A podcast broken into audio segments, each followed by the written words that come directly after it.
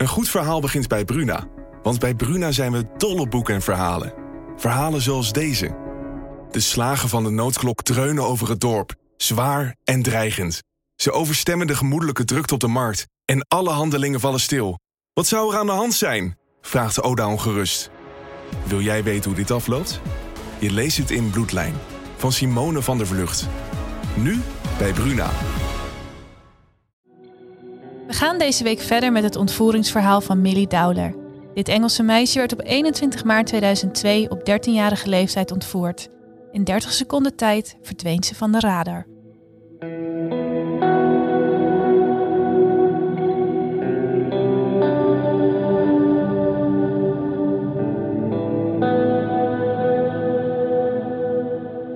Je luistert naar de podcast Ontvoerd. Ik ben Kevin van den Berg en ik zit hier samen achter de microfoons met Maya Noordam.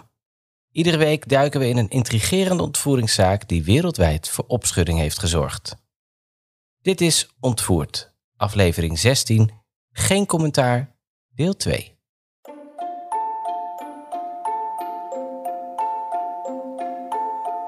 Vorige week vertelden we je over de ontvoering en de zoektocht naar de verdachte. We vatten de zaak nog even voor je samen.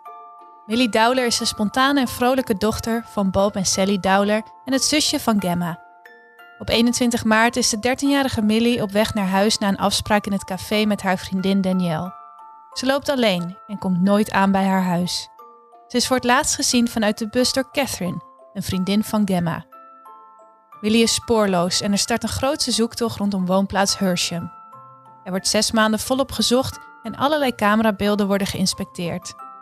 Op 18 september vinden champignonplukkers het levenloze lichaam van Millie Dowler.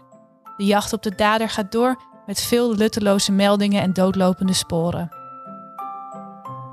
Maar dan, 2,5 jaar na de verdwijning van Millie, komt er een telefoontje van een politieafdeling uit Londen. Zij onderzoeken een serie aan moorden op jonge meisjes en hebben hiervoor Levi Belfield als verdachte op het oog. Opvallend is dat hij op slechts 100 meter afstand van Millie woonde. Deze gevaarlijke Belfield wordt verdacht van 30 aanrandingen en twee moorden, de meisjes Amélie en Marcia, en een poging tot moord op Kate Sheedy. Alle zaken worden gereconstrueerd en op camerabeelden zien ze een witte Toyota Previa, dezelfde soort auto als Levi Belfield had. We gaan verder vanaf het moment dat de politie een verband ziet in deze zaken.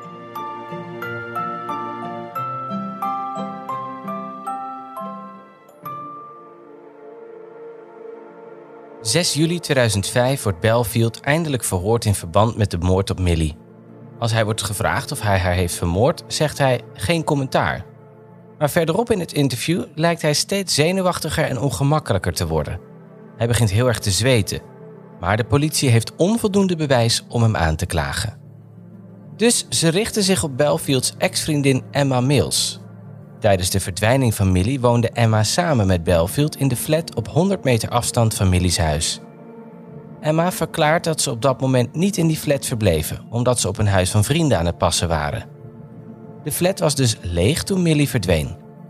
Emma vertelt verder dat Belfield pas avonds thuis kwam op de dag van de verdwijning en dat hij andere kleren aan had dan waarmee hij ochtends de deur uit was gestapt. De twee gingen naar bed zoals normaal maar midden in de nacht stond Belfield op en keerde terug naar hun eigen flat, samen met hun honden.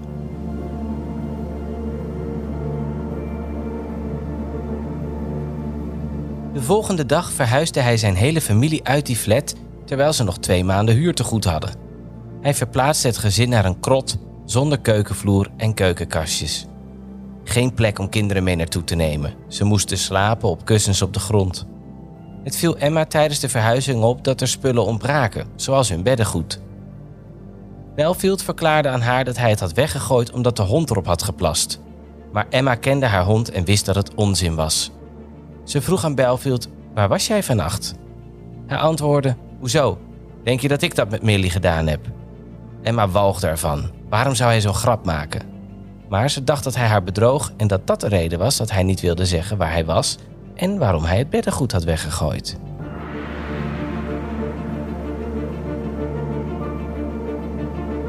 De politie verhoort ook andere ex-vriendinnen. Een van de vrouwen, Joanna, vertelt dat ze samen met Belfield zo'n vijf keer in het bos had gelopen samen met haar honden. Hetzelfde bos als waar Millie is gevonden. De politie vraagt of ze wil laten zien waar ze destijds hadden gelopen en Joanna brengt ze precies naar de plek waar Millie is gevonden. De verdenking van Belfield bouwt steeds verder op, maar er is nog geen concreet bewijs. Dus gaat de politie terug naar zijn ex-vriendin Emma Mills. Misschien weet zij toch nog wel wat meer. Zij vertelt de politie dat Belfield op het moment van Millie's verdwijning een rode Daewoo Nexia-auto had. Nu weten ze waar ze naar zoeken op de beelden die zijn gemaakt in de straat van Millie's verdwijning. En jawel, ze zien de auto van Belfield om 4 uur 33 wegrijden uit de straat waar Millie voor het laatst is gezien. Maar Belfield blijkt de auto acht dagen na de ontvoering van Millie als vermist opgegeven te hebben. Ze hebben dus niets om te onderzoeken voor bewijs. De politie probeert met man en macht de auto te vinden. Ze doorzoeken meren met duikers, bekijken uren en uren aan bewakingsbeelden, maar de auto is tot op de dag van vandaag spoorloos.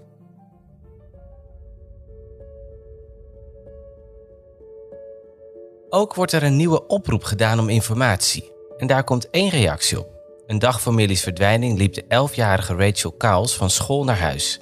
Vlakbij de plek waar Millie de volgende dag zou verdwijnen, stopt er een auto naast haar.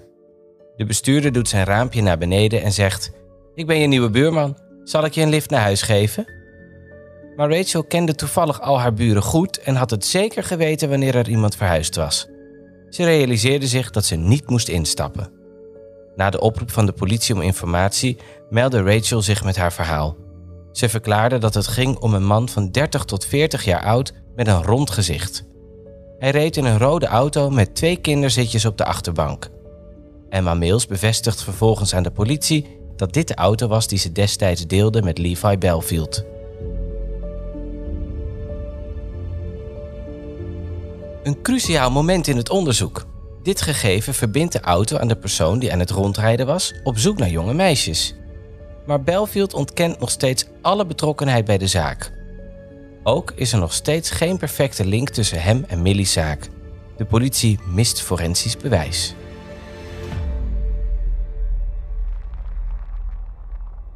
In de tussentijd wordt Belfield in mei 2006 al wel veroordeeld voor de moorden op Amelie en Marcia en de poging tot moord op Kate. In februari 2008 krijgt hij hiervoor een levenslange gevangenisstraf toegewezen. Terwijl Belfield al in de gevangenis zit, blijft het belangrijk om gerechtigheid voor Millie te krijgen. Bij gebrek aan bewijs moet de politie alle andere mogelijkheden uitsluiten dan het scenario dat Belfield degene is die Millie heeft vermoord. Het lukt ze om precies de plek te definiëren waar Millie is ontvoerd, ondanks dat dit niet op de camerabeelden staat. Vanaf het punt dat Catherine, de vriendin van Gemma, haar zag terwijl ze in de bus stapte, tot het punt dat de beveiligingscamera Millie weer had moeten oppikken, was maar een klein stuk. Het heet haar Collingwood Place en is precies de plek waar Belfield destijds woonde met Emma.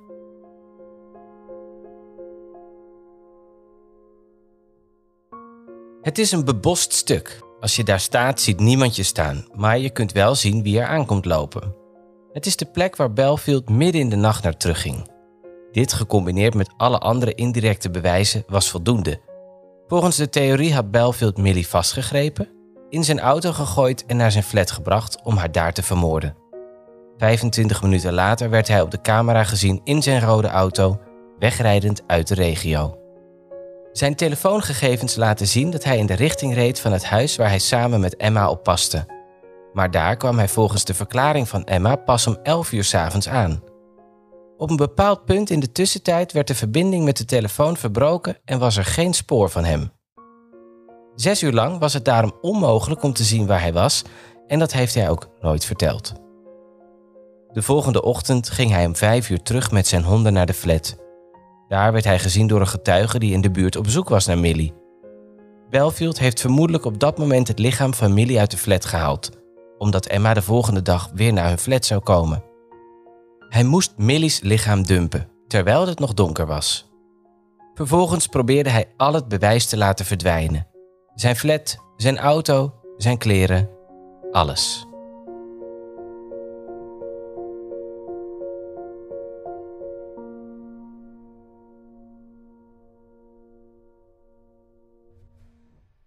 Op 31 maart 2010, acht jaar na de ontvoering en moord op Millie, wordt Levi Belfield eindelijk aangeklaagd. Hij zit natuurlijk al een levenslange gevangenisstraf uit en Belfield is daarom aanwezig via een videoverbinding.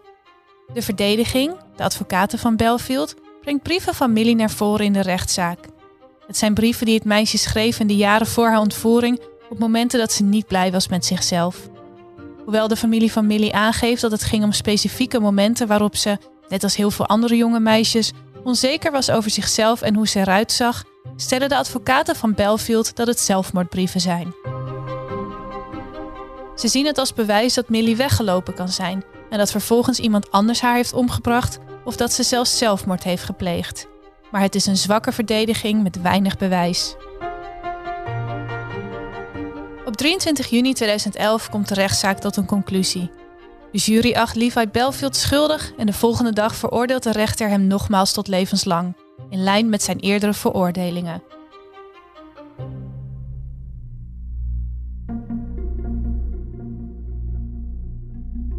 Na zijn veroordeling uit de familie van Millie stevige kritiek op de manier waarop ze zijn behandeld tijdens de rechtszaak.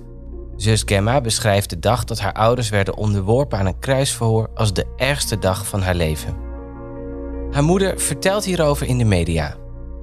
De rechtszaak is voor ons echt een vreselijke ervaring geweest. We hebben Millie's naam besmeurd horen worden. Ze is neergezet als een ongelukkig en depressief jong meisje. De Millie die wij kenden was een blij, levendig en liefdevol meisje. Ons familieleven is onder de loep genomen en opengelegd voor iedereen om te inspecteren en er iets van te vinden.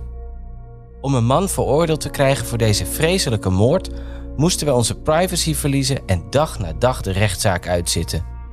De moeite die het systeem doet om zijn mensenrechten te beschermen lijkt zo oneerlijk in vergelijking met wat wij als familie hebben moeten doorstaan. Millie's vader, Bob, geeft commentaar op de weigering van Belfield om te getuigen en te verschijnen in de rechtbank voor zijn veroordeling. Mijn familie heeft een te hoge prijs moeten betalen voor zijn veroordeling. De rechtszaak was echt een traumatiserende ervaring op een onvoorstelbare schaal. Je had erbij moeten zijn om het echt te begrijpen. Terwijl wij werden verhoord, voelde het voor mij en mijn vrouw alsof wij degene waren die berecht werden. We zetten grote vraagtekens bij een rechtssysteem dat zo in het voordeel werkt van degene die de misdaad heeft gepleegd. Daarnaast loopt er nog een aanklacht tegen Belfield voor de poging tot ontvoering van Rachel Cowles, het elfjarige meisje dat de dag voor Millie's ontvoering een lift aangeboden kreeg door man in een rode auto. Helaas wordt de zaak geschorst omdat diverse media schadelijk materiaal hadden gepubliceerd over hem. De rechter zorgt er wel voor dat de aanklacht in Belfields dossier blijft staan. Ook wordt Levi Belfield verdacht van andere verkrachtingen, moorden en mishandelingen. Zo wordt hij verdacht van de moord op zijn jeugdvriendin, de 14-jarige Patsy Morris, in 1980. Tijdens zijn tijd in de gevangenis heeft Belfield verschillende moorden en verkrachtingen toegegeven, maar bewijs bleef onvindbaar. De politie vraagt zich af of hij misschien bekende om aandacht te krijgen of om de families van slachtoffers nog verder te schaden. In 2006, vijf jaar na Belfields veroordeling, maakte Surrey Police bekend dat Belfield de ontvoering, verkrachting en moord op Millie heeft bekend. Dit gebeurde nadat er een tweede arrestatie was verricht in de zaak en Belfield werd gevraagd of hij een medeplichtige had. Na zijn bekentenis liet de politie degene die ze hadden gearresteerd vrij, zonder aanklacht. Een paar weken later veranderde Belfield zijn verhaal weer en ontkende hij dat hij de moord op Millie had bekend.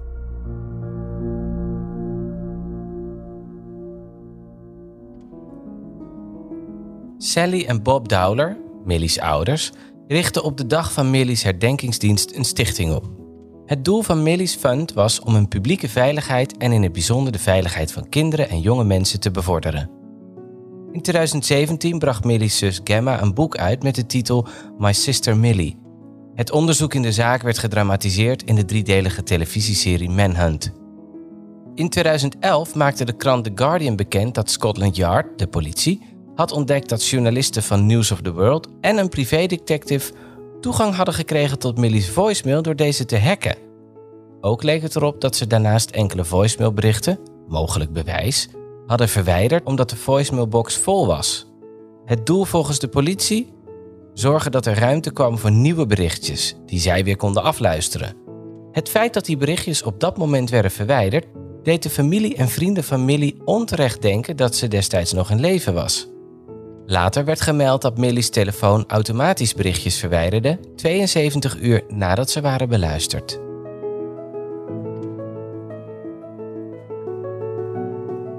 De ouders van Millie maakten via hun advocaat bekend dat ze News of the World aanklaagden voor de situatie. In september 2011 werd bekend dat de familie 2 miljoen pond had gekregen als schadevergoeding. Een paar maanden later werd bekendgemaakt dat de Surrey Police en andere eenheden al snel na Millie's dood wisten dat News of the World de berichtjes had gehackt, maar dat ze hier geen problemen mee hadden. In plaats daarvan werden de journalisten zelfs uitgenodigd om mee te praten over de zaak. Het Britse volk was echter woest en dat resulteerde in de opheffing van de krant en een aantal onderzoeken naar het hacken van telefoons en mediaethiek in de Britse media.